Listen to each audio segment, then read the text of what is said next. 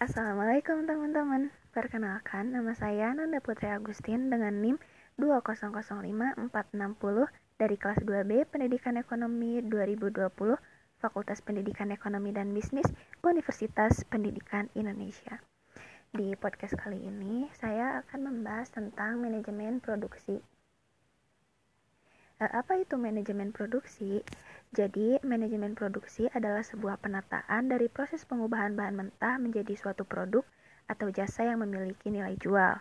Manajemen produksi juga merupakan bagian dari bidang manajemen yang berperan untuk melakukan koordinasi beragam kegiatan agar tujuan bisnis bisa tercapai.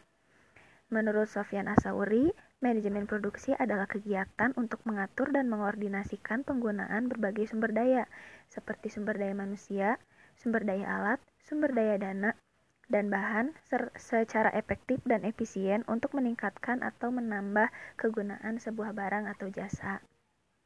Apa sih fungsi dari manajemen produksi? Nah, teman-teman, secara etimologi, fungsi produksi berkaitan dengan pertanggungjawaban di dalam mengolah serta mentransformasikan sebuah input menjadi sebuah output yang memiliki bentuk berupa barang atau jasa sehingga memberi pendapatan untuk suatu perusahaan.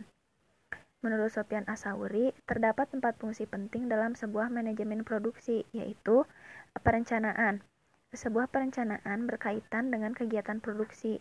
Dalam membuat perencanaan yang baik, maka akan bisa meminimalisir biaya produksi. Dengan demikian, perusahaan bisa menentukan harga yang lebih sehat serta mendapatkan untung yang jauh lebih besar.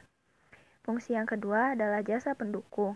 Jasa pendukung di sini adalah sebuah sarana yang digunakan untuk menetapkan metode apa yang akan digunakan dalam produksi, sehingga proses produksi akan lebih efektif dan efisien, dan juga perusahaan bisa bersaing secara sehat dan tetap mengedepankan hasil yang berkualitas.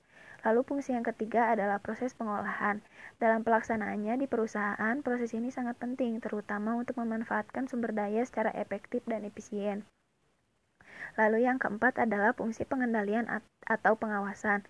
Ini adalah fungsi untuk menjamin proses kegiatan agar sesuai dengan rencana sehingga tujuan yang diinginkan bisa dicapai uh, atau bisa terlaksana dengan baik. Selain fungsi, mari kita bahas tentang tiga ruang lingkup e, manajemen produksi. Ruang lingkup yang pertama adalah ruang lingkup berkaitan dengan desain. Ini adalah keputusan jangka panjang yang harus diambil oleh manajemen produksi. Kenapa? Karena dalam keputusan ini meliputi banyak hal seperti penentuan desain, lokasi, sampai ke desain job description. Lalu ruang lingkup yang kedua adalah ruang lingkup yang berkaitan dengan transformasi. Ini adalah sebuah keputusan jangka pendek yang harus diambil oleh manajemen produksi.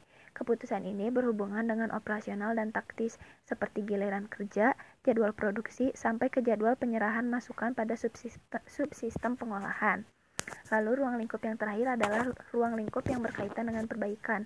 Ini adalah sebuah keputusan yang e, sifatnya berkesinambungan. Jadi keputusan ini biasanya diambil secara rutin atau berkala. Terakhir yang akan saya bahas adalah tiga aspek manajemen produksi. Aspek yang pertama adalah perencanaan produksi barang atau jasa. Salah satu kegiatan di dalam aspek ini adalah mengambil keputusan tentang jenis barang, kualitasnya, dan bahan baku yang digunakan. Lalu aspek yang kedua adalah aspek pengendalian produksi barang atau jasa. Kegiatan di dalam aspek ini adalah membuat perencanaan, menentukan target produksi sampai ke menyusun jadwal pekerjaan. Yang terakhir adalah aspek pengawasan produksi atau jasa. Kegiatan yang dilakukan dalam aspek ini antara lain adalah melakukan pengawasan produksi agar sesuai dengan apa yang diinginkan. Nah, teman-teman, materi manajemen produksi saya cukupkan sampai di sini. Semoga apa yang saya sampaikan dapat menjadi manfaat dan ilmu baru bagi teman-teman semua. Mohon maaf apabila masih terdapat banyak kesalahan dan kekeliruan. Sampai jumpa di podcast selanjutnya. Wassalamualaikum.